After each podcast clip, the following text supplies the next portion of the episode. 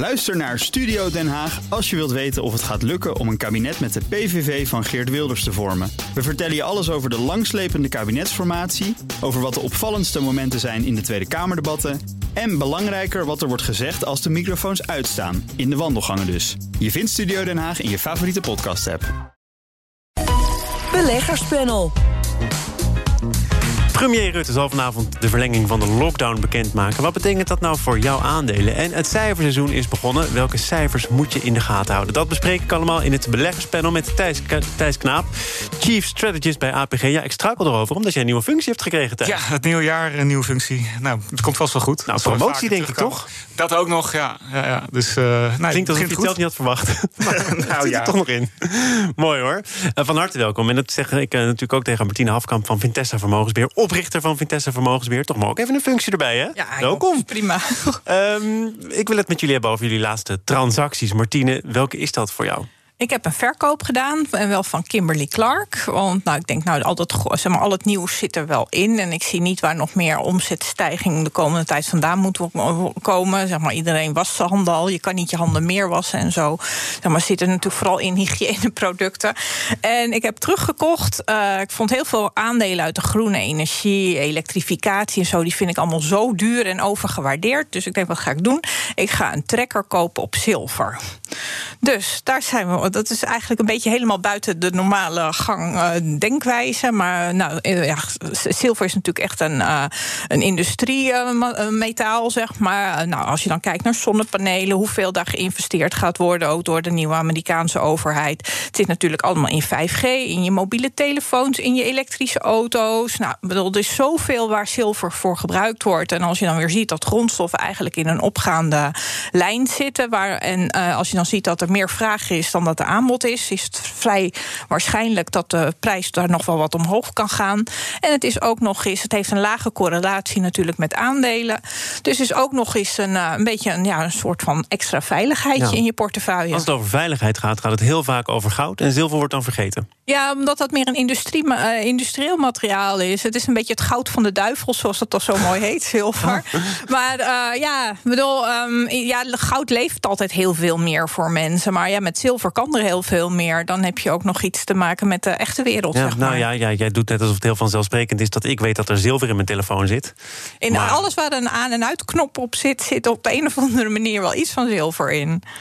Ik wist dit niet. Ik ook niet. Nee, ik sta te kijken. Thijs, je bent hier weer niet voor niks gekomen. Nee. Al met enorm veel informatie kun je zo meteen de studio uitstappen. Maar natuurlijk niet voordat we van alles hebben besproken. Onder andere jouw laatste, jullie laatste transactie. Ja, want dat is een beetje een teleurstelling. Ik heb deze week geen in het oog springende transacties uh, gevonden. Het is het nieuwe jaar. We hebben geen grote veranderingen doorgevoerd. Er gebeurt natuurlijk wel een hoop. Hè. Uh, we managen inmiddels meer dan 500 miljard euro voor een aantal uh, pensioenfondsen. de premie wordt geïnt, er wordt geherbalanceerd. Er worden hedges opgebouwd, zodat we minder blootstaan aan allerlei risico's. Dus de fabriek draait door.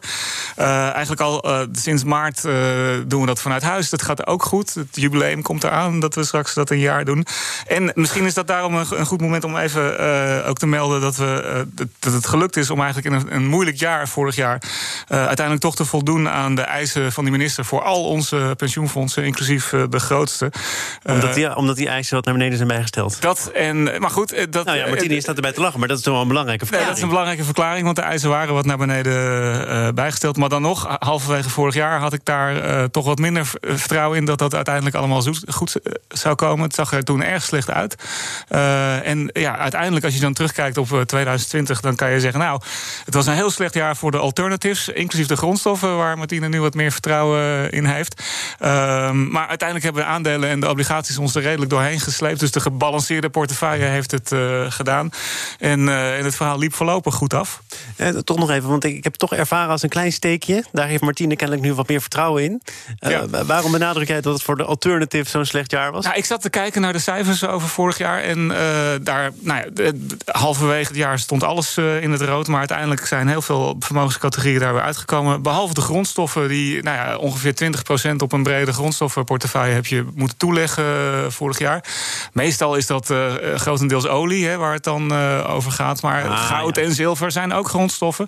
Uh, en ook, ja, dat. En koper ook. Koper en die heeft het ook best goed gedaan. Ja, nee, dus, maar goed. olie weegt dan zwaar, kan ik me zo voorstellen. Nee, maar over het algemeen geldt dat als het slecht gaat met de economie, dan heb je minder grondstoffen nodig. En dan doet alles het slecht. Maar er zitten natuurlijk wel verschillen in. Hè. De mobiele telefoons, daar moeten we er steeds meer van hebben. Dus dat, dat gaat allicht hè, de vraag naar zilver en koper wat, wat oppeppen. Um, maar nou ja, het, om maar aan te geven, je kan soms een slecht jaar hebben en daarna kan het er weer heel goed uitzien. Ja, heb jij, heb jij nu je dat zegt over zilver en de veiligheid die je daarmee inbouwt en het feit dat het ook een industriële toepassing heeft, maar heb je toch nog even gekeken naar het afgelopen jaar en dus ook moeten constateren, zo geweldig was het niet? Nou, het is niet al goud dat er blinkt? Nee, nee dat, oh, dat klopt. Maar als je kijkt vanaf het dieptepunt, uh, is het toen hard opgelopen en daarna weer wat teruggezakt, de, de prijs van zilver. En als je het vergelijkt met 2011, dat was een beetje het hoogtepunt van de grondstoffenmarkt, zeg maar. Ja, dan staan we pas op de helft. Uh, dus ja, het glas is altijd half vol of half leeg, zeg maar. Hè. En uh, bedoel, ik heb dan echt zilver, dus juist voor als je naar de langere termijn trends kijkt, die gewoon echt bezig zijn en waar heel veel geld heen, heen gaat. Dus groene energie en, elektri dus en de elektrificatie en 5G. Denk, nou ja, dan dat is dat dan. Uh, bedoel, dan hoef ik niet alle industriële grondstoffen te hebben, maar dan is dit wel een mooie punt gemaakt. Iemand die ook een punt gaat maken, waarschijnlijk vanavond al, dat is premier Rutte. En naast hem staat minister De Jonge om bekend te maken dat de lockdown verlengd wordt met een week of drie. Uh, en ondertussen viert de beurs lekker verder. Als je kijkt naar de standen, dan is er geen uh, zuchtje tegenwind. Lijkt het. Hoe kan dat, Thijs? Nou, op zich is het niet gek dat als, uh, als het in Nederland niet goed gaat, dat de financiële markten wereldwijd zich daar weinig van aantrekken. Dus uh, dat is flauw, maar dat, dat is natuurlijk waarom deze dag niet zo heel belangrijk is. tegelijkertijd is die lockdown in Nederland wel een teken dat het wereldwijd ook niet goed gaat. Er is een nieuwe variant van het coronavirus, die gaat heel hard in het VK en in, ook in Ierland. en ja, dat, het, ik zei net ook al hier buiten tegen Martine, het gaat met het vaccineren ook niet zo heel snel. Misschien hebben we ons wat te rijk gerekend over hoe snel het allemaal uh, zo zou gaan. Dus het nieuws is gewoon slecht. En dan is jouw vraag een goede. waarom? waarom? Ook, hè? Er zijn ook economen die nu zeggen... het eerste kwartaal zal een recessie laten zien... in plaats van een verder opgaande lijn. Nee, exact. Dus dan is jouw vraag een goede. Waarom, ondanks al dit slechte nieuws... Uh, doen die markten het dan, uh, dan zo goed? Dus ik, ik ben even ehm, weer te raden gegaan... bij mijn beleggende collega's. En de verklaring die er is, is het volgende. Er zijn eigenlijk vier dingen die er te doen, te doen voor markten. Ehm, en twee daarvan zijn eigenlijk best wel goed. En dat zijn sentiment en flows. Dus uh, er is zicht op het einde uh, van de tunnel. Er blinkt licht uh, in de verte. Er komt een vaccin. Uiteindelijk gaat het virus weg. En we moeten gewoon nog even volhouden. Dus dat is, dat is voorlopig goed voor het sentiment. En er zijn flows. Wat wil zeggen, er komt gewoon steeds meer geld bij. De centrale banken doen hun best. Overheden geven steun. En al dat geld moet ergens naartoe. Dat rolt in de financiële markten. En dat ondersteunt de prijs. Dus dat zijn twee positieve dingen. En dat is het antwoord op de vraag waarom het nu zo goed gaat. Ik moet meteen aantekenen, het, meteen aantekenen dat er ook twee negatieve dingen zijn. Namelijk de andere twee factoren, waardering en fundamentals. Dus alles is heel duur. En uh, ja, wat ik net al zei, het nieuws is gewoon niet goed. De onderliggende economie uh, heeft echt heel veel last van die, van die tegenslag die we nu weer uh, gaan zien. Je had het zelf al over een recessie. Nou ja, dan is de vraag wie wint er? Nou, vooralsnog winnen die twee elementen die ik net noemde. en ja, dan gaat het dus met markten op zich best goed, ondanks dat het nieuws heel, heel slecht is. Vier factoren die een rol spelen. Heb jij er nog een vijfde aan toe te voegen? Nou ja, ik wil er wel aan toevoegen dat uh, zeg maar, absoluut gezien zijn aandelen niet goedkoop. Dat ben ik helemaal eens. Maar als je het afzet tegen alternatieven, dan valt het wel weer mee. Dus dat is ook een van de redenen waardoor dan aandelen nog wel wat verder omhoog zouden kunnen. En inderdaad, dan moet je, je hebt dat ruime monetaire beleid, je krijgt een ruim budgetair beleid. Dus ja, dat, zijn, uh, bedoel, dat is nou eenmaal zo. Als je kijkt alle, weer even op microniveau in Nederland, er staat 390,5 miljard op de spaarrekening omdat heel veel mensen heel veel uh, geld niet hebben kunnen uitgeven. Daar is een deel van naar de markt gegaan. En je krijgt altijd natuurlijk, als het beurs een tijdje omhoog gaat, dat heel veel mensen uh, het gevoel krijgen, of een aantal mensen, dat ze de boot missen. Nou, en die rennen dan ook nog eens achter de hardste stijgers aan. Uh, ik denk altijd, je moet niet in de beurs zitten, maar je moet gewoon echt individuele titels zoeken die ja, passen bij jouw beleggingsdoelstellingen. Nou ja, en dan is er nog steeds wel wat te vinden. En een correctie zal er ongetwijfeld een keertje komen. Daar hoef je helemaal niet moeilijk over te zijn. Maar ja, dan moet je tegen kunnen. En dat is niets anders dan anders. Wat een beetje stijgt, eh, niet keihard, maar toch opmerkelijk genoeg om even te bespreken, is de rente. En tegelijkertijd zie je dat eh, de beurzen ook nog omhoog gaan. En ik heb wel eens begrepen, meer dan eens, dat dat eigenlijk Nou, dat, ja, dat ja, die vinden, dat vinden zeg maar, op zich aandelen natuurlijk niet zo heel fijn als dat echt door zou stijgen. Maar dan heb je weer een andere kant van het verhaal. Dat centrale banken natuurlijk al hebben aangegeven dat ze in principe de rente proberen lang laag te houden. Je hebt nog hele grote kopers in de markt. Uh, dus ja, het moet niet te veel op gaan lopen. En als je dan naar de Amerikaanse rente kijkt vanaf het laagste punt, ja, dan is er natuurlijk al heel veel bij bij de tienjaarsrente. Uh, maar we zitten nog wel op een niveau dat beleggers er nog niet helemaal zeker zenuwachtig van worden. Nou, hier staat iemand zenuwachtig in de hoek te dribbelen. Thijs, ja, die rente die blijft maar oplopen. Ja, dat is waar. De, de rente loopt op om een goede reden. Dat is, uh, dat is een ander verhaal dan als, die, uh, als dat komt omdat de centrale bank de rente verhoogt en de economie afknijpt. Wat we nu zien is dat de Amerikaanse rente oploopt. En dat doet hij eigenlijk sinds dat de uitslagen van de senaatsrace in Georgia bekend zijn. Daarmee, uh, dat verhaal ken je, kan de president Biden straks een beleid uitvoeren zonder dat hij in de wielen wordt gereden door, door het congres. En dat betekent dat er dus uh, vanuit de VS uh, veel meer stimulans, stimulus gaat komen. En dat er veel meer geleend moet worden door de Amerikaanse staat. geld. ja, dus dat betekent dat er de, uitkeringen omhoog kunnen, dat er infrastructuurbeleid komt. Kortom, er wordt gewoon veel geld uitgegeven. Dat is altijd goed voor de groei. Maar dat moeten ze wel lenen. En ja, dat betekent dus dat de rente op de Amerikaanse kapitaalmarkt alvast omhoog gaat. Omdat men weet van ja, daar komt straks een enorme vraag naar, naar extra geld om dat beleid uit te voeren. En de Europese, Europese rente pikt daar iets van mee. Die twee zijn altijd gecorreleerd. Als het dan in Amerika omhoog gaat, dan gebeurt dat hier ook. Ja, maar wel op een, op, een, op een bescheiden manier, toch? Ja, Tot nu toe in ieder geval. Ja, precies. De Europese rente staat sowieso lager en gaat ook niet zo hard omhoog. Maar dat, dat leidt er dus toe dat je uh, te maken hebt met een situatie waarbij de rente stijgt. En waarbij ook aandelenmarkten het goed doen. Want dat nieuws dat er meer stimulus komt uh, in Amerika, dat is best goed voor aandelen. Hè. Dat, is, dat betekent dat we in ieder geval het risico op een recessie ja, iets lager kunnen inschatten. Ja, maar je moet toch wel natuurlijk eh, bedenken dat het nog wel. De, ja, het is, kijk, het is een hele krappe meerderheid die die heeft. Dus of het nou allemaal zo uh, enthousiast, allemaal zo door het congres gevoerd kan worden. Ieder eh, plan wat er komt, dat is nog een beetje de vraag. Want er zijn ook hele conservatieve democraten die het ook niet allemaal uh, de geldkraan wijd open zullen zetten.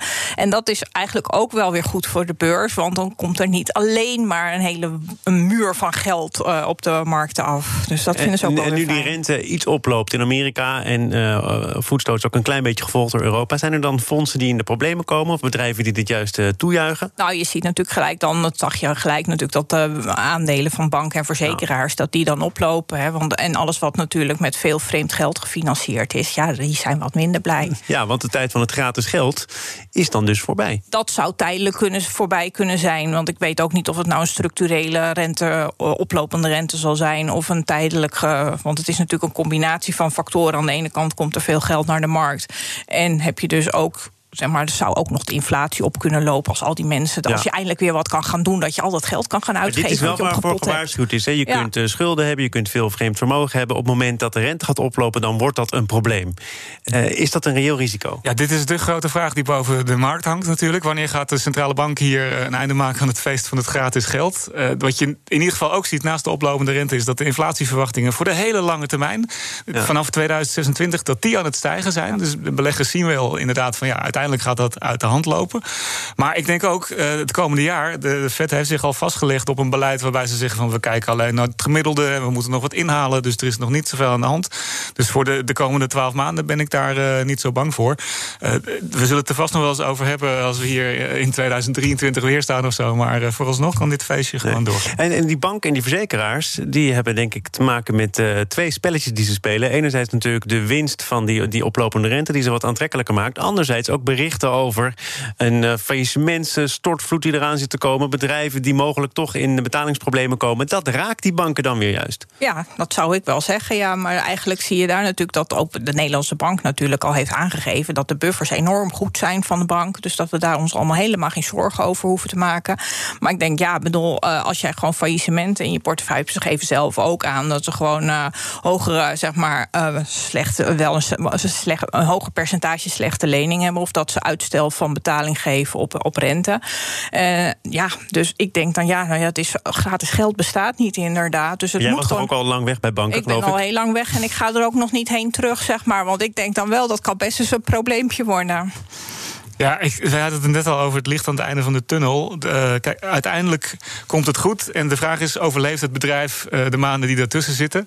Um, ik heb zelf de indruk dat dit toch een tegenvaller is waar we nu in zitten qua uh, corona. De, de, de, de, mededelingen van vanavond zullen dat ook nog wel, wel onderstrepen.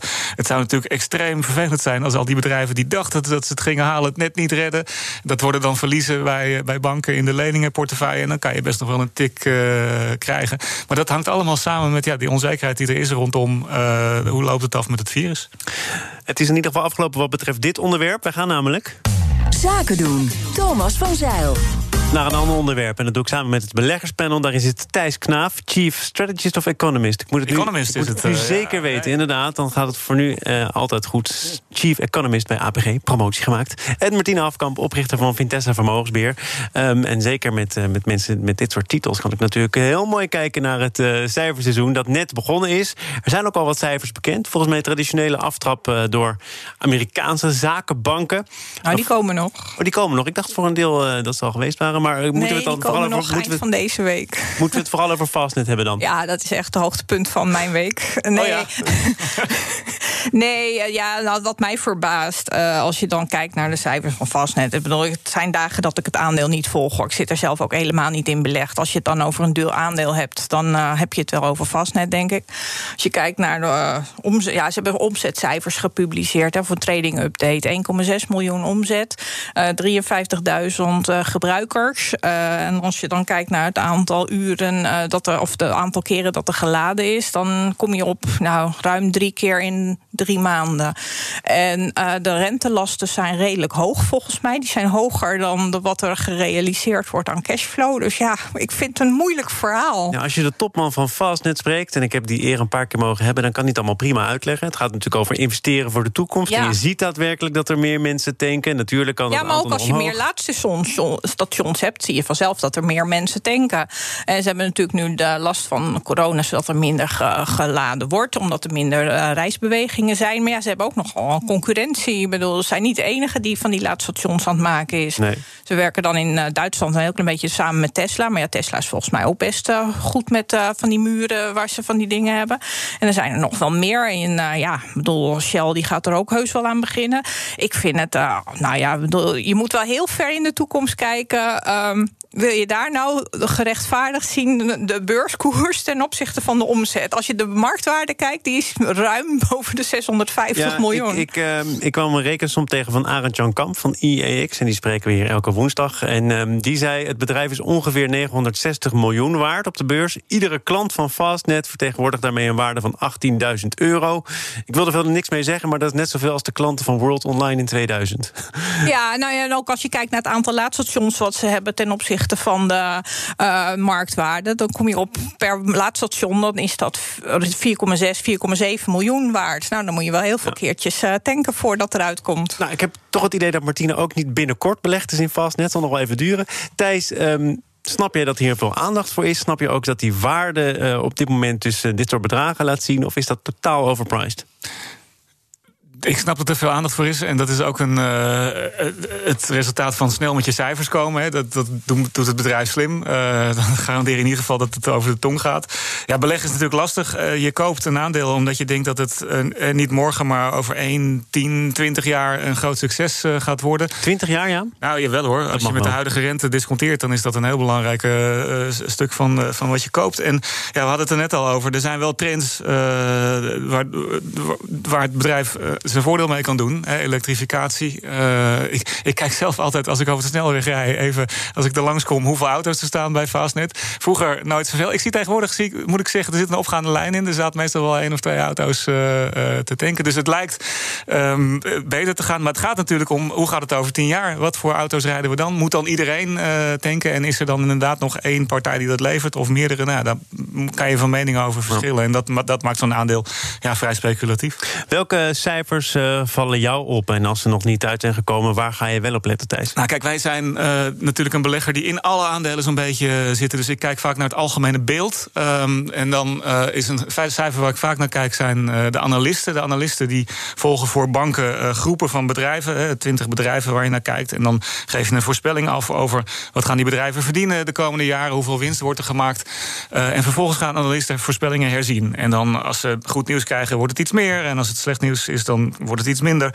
En wat je ziet uh, de laatste uh, maanden is dat de herzieningen van, van de analisten, en dat is het cijfer waar ik dan naar kijk, die herzieningen zijn buitengewoon positief. Die zijn eigenlijk uh, in, de, in de geschiedenis nog niet zo positief geweest als nu. Wat betekent dat? Nou, niet dat, er, dat er winstgroei is. Dat betekent alleen dat de eerste voorspellingen heel erg slecht waren en de nieuwe voorspellingen zijn stukken beter. dat, is, hè, dat is nog steeds, niet, nog steeds niet goed, maar het geeft wel aan dat we een beetje een draai gemaakt hebben in, uh, in hoe we naar de, naar de economie kijken. En dan heb ik het niet over uh, één bedrijf, maar over alle bedrijven tegelijk. En ik merk op dat de, de, laatste keer dat we iets vergelijkbaars gezien hebben, dat was in 2009. Uh, eh, ook zo'n tijd waarbij iedereen dacht van het, de wereld stort in, alles wordt heel slecht. En vervolgens ja, bleek het allemaal uiteindelijk een beetje mee te vallen. En ook relatief, ja. het was minder slecht dan men dacht. En dat punt lijken we nu ook een beetje gehad te hebben. Dus ik moet het nog zien, hè, de cijfers moeten nog uitkomen. Maar de analisten die de cijfers voorspellen zijn in ieder geval Maar Martine, volgens mij hebben we hier ook wel eens besproken... dat als je de lat maar heel laag legt, dat je er wel overheen springt. Ja, want dat zie je eigenlijk al een paar kwartalen. Dat natuurlijk eigenlijk vooraf de, de verwachtingen wel heel laag zijn. En gedurende het kwartaal worden ze al naar boven bijgesteld. En dat is ook dit kwartaal weer het geval. Uh, je hebt dit kwartaal natuurlijk, als je het op... Uh, heb je nog een slechte vergelijkingsbasis... ten opzichte van het vierde kwartaal van 2019. Want dat was natuurlijk echt supergoed. Ja, er was niks aan de hand. Nee, te, technologiebedrijven enzovoort. Ik vind het altijd veel belangrijker ook wat mensen... behalve de cijfers natuurlijk, maar wat meer de verwachtingen zijn voor de komende tijd. Hè. Of ze een beetje kunnen zeggen dat ze visibility hebben. Ik bedoel, dat is altijd waar het om gaat. Ik bedoel, dat coronavirus, dat weten we nu allemaal wel. Dat kan je, dat kan je uh, dus of, de, of ze daar overheen kunnen kijken. En ik bedoel, je hebt natuurlijk ook. Maar zeg je nou, dat weten we allemaal wel? Want dat is voor veel bedrijven natuurlijk toch een reden om te kunnen zeggen. Nee, maar we weten. Ja, bedoel, dat is altijd zeg maar, dat is de usual suspect om dan uh, eventuele tegenvallers aan op te hangen. Maar het is altijd fijn als je daar nu toch wel, want je hebt er al een aantal maanden mee te maken. Of je daar al een beetje overheen kan kijken. En uh, dan, ja, dat vind ik dan. Uh, kijk, als je een beetje vooruit kan kijken of een plan van aanpak hebt, zeg maar. Dat, uh, nou, noemen ze een bedrijf dat dat toch wel wat lastiger heeft. Want er zijn natuurlijk bedrijven die zeer afhankelijk zijn van wat er wel oh, of niet tuurlijk, maar dat zijn alle usual suspects. Dan heb je het over de airliners. Ja. bedoel, maar je ziet bijvoorbeeld ook de reismaatschappijen Booking. bijvoorbeeld dat de, de koers van het aandeel. Dat, daar is geen corona meer geweest hoor. Ik bedoel, dan is iedereen alweer druk aan het boeken. Dus je ziet daar ook beleggers alweer vooruit kijken. Maar natuurlijk, eh, en als je het in Nederland kijkt, de basic fits, als, als, we, als we nog weer langer dicht moeten, nou ja, dan zal je daar wel weer een knoutje zien in de koers. Ja, het is allemaal wat redelijk eenvoudig. Nou, mijn punt is, er zit altijd een soort uh, ja, voorspelbaarheid in. Hè. Analisten worden nog wel eens uh, positief verrast door wat het bedrijf doet. Maar de meeste analisten kijken toch naar ja, de, de, bedrijven die ik volg. Daar gaat het nu eigenlijk best wel, best wel goed mee. Dus die, die, die hebben toch, die zetten het af tegen wat ze in de sector verwachten. En die zijn dan positief verrast. En als je het allemaal bij elkaar optelt, dan zie je dat over het geheel ja, de cijfers eigenlijk uh, niet zo slecht waren uh, als men dacht. En de verwachting is eigenlijk dat dat, dat herstel, uh, herstel ja. doorzet. Ja, maar ik ben zo. Kijk, je hebt natuurlijk altijd een verschil tussen de beursgenoteerde bedrijven en waar eigenlijk de pijn zit, is natuurlijk het MKB. En dat is dan ook. Je hebt niet echt een. Ja, kijkend naar de beurs en een hoofdzaal en alles. Frans KLM dat de pijn bij het MKB is. Nou, ja, nee, maar bedoel, je hebt dat natuurlijk altijd uit. Maar dat zijn, dat zijn de uitzonderingen. Maar als je gewoon naar de grote bedrijven kijkt, bedoel, de klappen vallen natuurlijk bij, uh, bij, de, bij de meeste beursgenoteerde ondernemingen. Nee, het risico is dat dat inderdaad uiteindelijk uh, tot een soort recessiedynamiek leidt. Hè. Als er heel veel MKB'ers over de kop gaan, er vallen ontslagen, dan kan dat een eigen uh, dynamiek krijgen waarbij ook hè, de vraag inzakt en de grote bedrijven daar ook last van krijgen ja. uiteindelijk. Tot slot nog even heel kort, want Binkbank houdt bij hoeveel vertrouwen beleggers hebben in de maand die voor ons ligt, of de maand die net geweest is. En nu komen ze met een, met een, met een vertrouwensindicatie voor het komende beleggersjaar. En dat vertrouwen, het optimisme onder beleggers is een beetje afgenomen. Ja, ik word daar heel zenuwachtig van, want ik zei net al dat van de uh, factoren onder de prijs uh, sentiment heel ja, belangrijk is. Eén factor uh, valt weg. En dat moet, dus niet, dat moet dus niet te hard gaan. Dit, ik viel mij ook op dat als ze zeggen van waar heb je nou vertrouwen in, dat die waardering een beetje mee, mee begint te spelen. Hè. Dat ze sommige Tesla's wel heel duur. Nou, en, Ja, precies. En dan bijvoorbeeld Shell is, is weer niet zo goed. Dus mensen gaan naar waardering kijken die helemaal niet zo uitnodigend is. En verliezen hun sentiment. Dat moeten we niet te veel hebben. Want maar moet je niet als belegger ook een beetje op de waardering Absoluut. letten? Nee, moet je dat toch is waar. naar Nee, kijken. dat is een van de vier belangrijke factoren die ik hier eerder noemde. Alleen soms letten we daar minder op en soms meer. En, Dus factor 1 zit hier factor 3 een beetje in de weg. Precies, eh, heel goed. Deze analyse is, eh, is compleet eh, goed. Het, maar het enige waardoor ik hier toch nog met, eh, met een glimlach het pand verlaat... is dat ik denk van ja, een analyse eh, die gebaseerd is op een enquête onder retailbeleggers... is een beetje informatief, maar niet zo heel erg. eh, eh, dus volgens mij, volgens mij is dat niet hetgene wat ons nou uiteindelijk in de sentiment. verdoemenis gaat brengen. Nee. Martien, hoe kijk jij Oh, naar ik dit ben soort er metingen? juist wel blij mee. Want als iedereen nou laaiend enthousiast is, dan zitten ze ook allemaal al in de beurs. En als ze er wat minder enthousiast over worden, is er nog ruimte naar boven. Nou, er zullen ook mensen uitstappen, denk ik, toch? Die Nou ja, vorig jaar begonnen zijn. Nou ja, als jij in maart begonnen bent, dan heb je een hartstikke goed gedaan. Maar meestal krijg je dan, moet je toch eerst even een daling hebben... voor je dan denkt dat je niet meer kan beleggen, zeg maar. Want je bent nu vaak al dan ook wel weer overtuigd van je eigen kunnen. En dat is een misvatting. Nou ja, je moet... Dat eh, heb gewoon niet meegehad. Nou ja, je hebt alleen maar precies. En je moet ook eh, in tegenslagen, hoe je er dan mee omgaat... dan, eh, dan pas kan je echt kijken of je kan beleggen. Thijs Knaap gaat met een glimlach hier het pand verlaten. Hij is chief economist bij APG. En Martine Hafkamp was er ook, oprichter van Vintessa Vermogensbeheer. Dank voor jullie bijdrage aan dit beleggerspanel. Zometeen in BNR Zaken doen. TechLeap NL gaat ervoor zorgen dat start-ups... die zich met de klimaatverandering bezighouden... makkelijker aan kapitaal kunnen komen. En een beursgang moet je dan zeker niet uit. Ook Diana Matroos vind je in de BNR-app. Ja, inderdaad. Je kunt live naar mij luisteren tijdens de Big Five. Ook handig in de BNR-app. Breaking nieuwsmeldingen, maar ook het allerlaatste zakelijke nieuws. En je vindt in de app alle BNR-podcasts, waaronder Wetenschap Vandaag. Download nu de gratis BNR-app en blijf scherp.